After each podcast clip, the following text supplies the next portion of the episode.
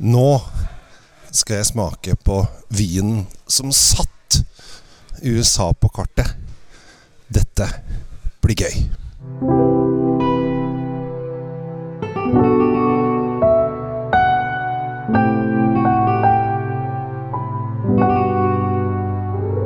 Hei og hjertelig velkommen til eh, en episode av Kjells vinkjeller. Akkurat nå så står jeg på et lager nede i Stokke i Vestfold. Eh, er det Vest, har det slått seg sammen? Var det Vestfold, Telemark eller Telemark Vestfold? Jeg vet ikke. Det er ikke så farlig. Alt kommer til å bli veranda når eh, kjære Trygve får lov å bestemme. Uansett. Eh, jeg skal holde vinkurs for Temtec, som er, lager vinskap. Veldig kule vinskap også. Det kommer noen sinnssykt kule app-baserte greier etter hvert, men det skal vi ta senere.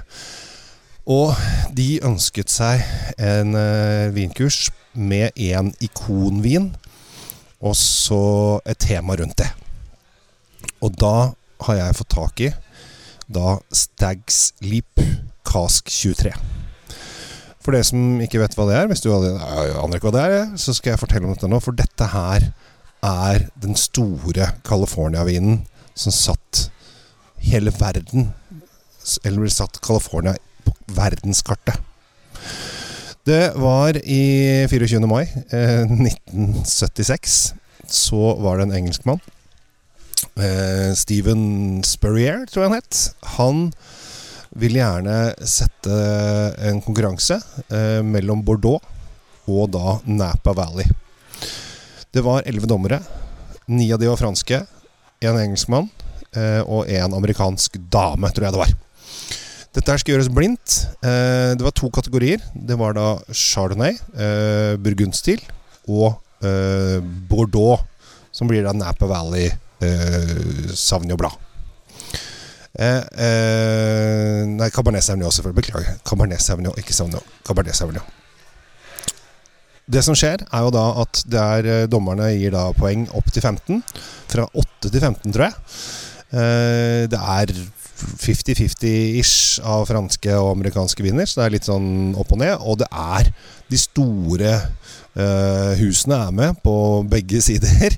Eh, og det som skjer, er jo da at Stag Sleep Cask 23 stikker av gårde med seieren. Nå har ikke jeg årgangen som var med i den konkurransen, som 1973, men jeg har 2010. Skal jeg smake litt her?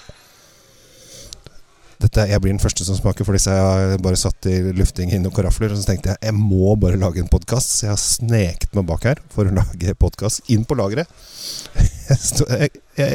Massevis av svære vinskap og vinhyller rundt overalt her. Så jeg står inne på et svært lager. Skal vi se.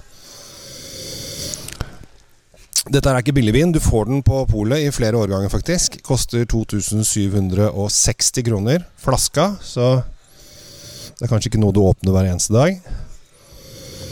På nesa så har den Jeg skjønner at, at Napa og, og uh, Cab og, øh, og Bordeaux har noe til felles, hvor du har den mørke frukten.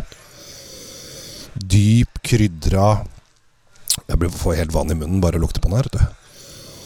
Dyp krydra mm, pepper, moreller, litt plommer, litt skogsbær og bjørnebær og sånn.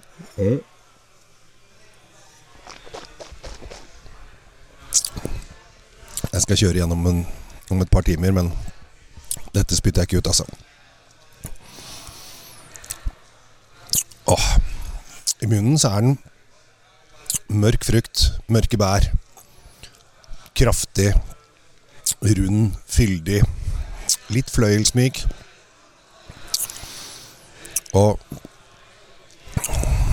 det er litt sånn solbær, moreller, skogsbær Alle disse mørke eh, bærene man finner i skogen. Og så er det litt sånn tørr finish. Du trenger litt kjøtt her. Litt sånn tanniner. Den er jo, dette er 2010, så den er 12 år gammel. Ta en slurk til, ja.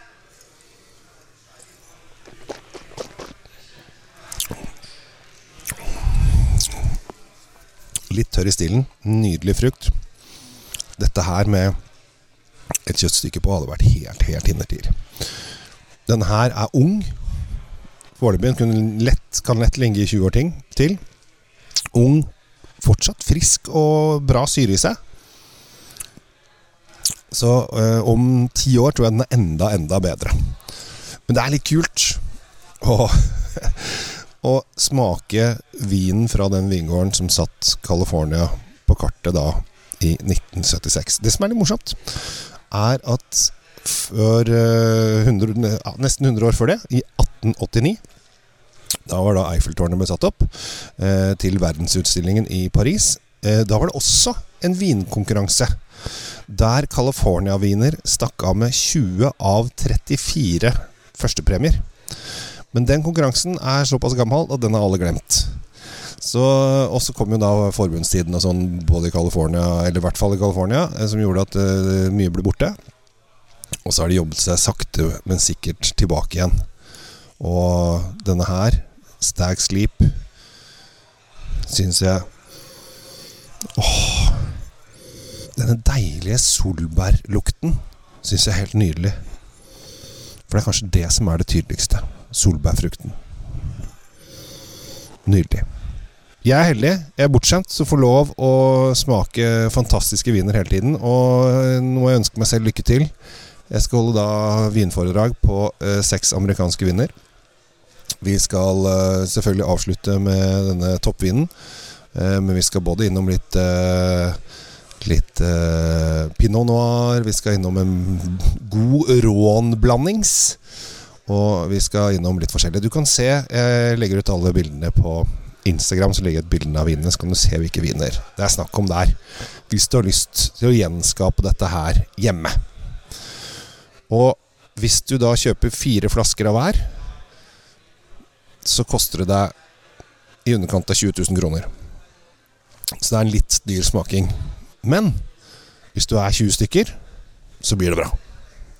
Vi er 25, faktisk.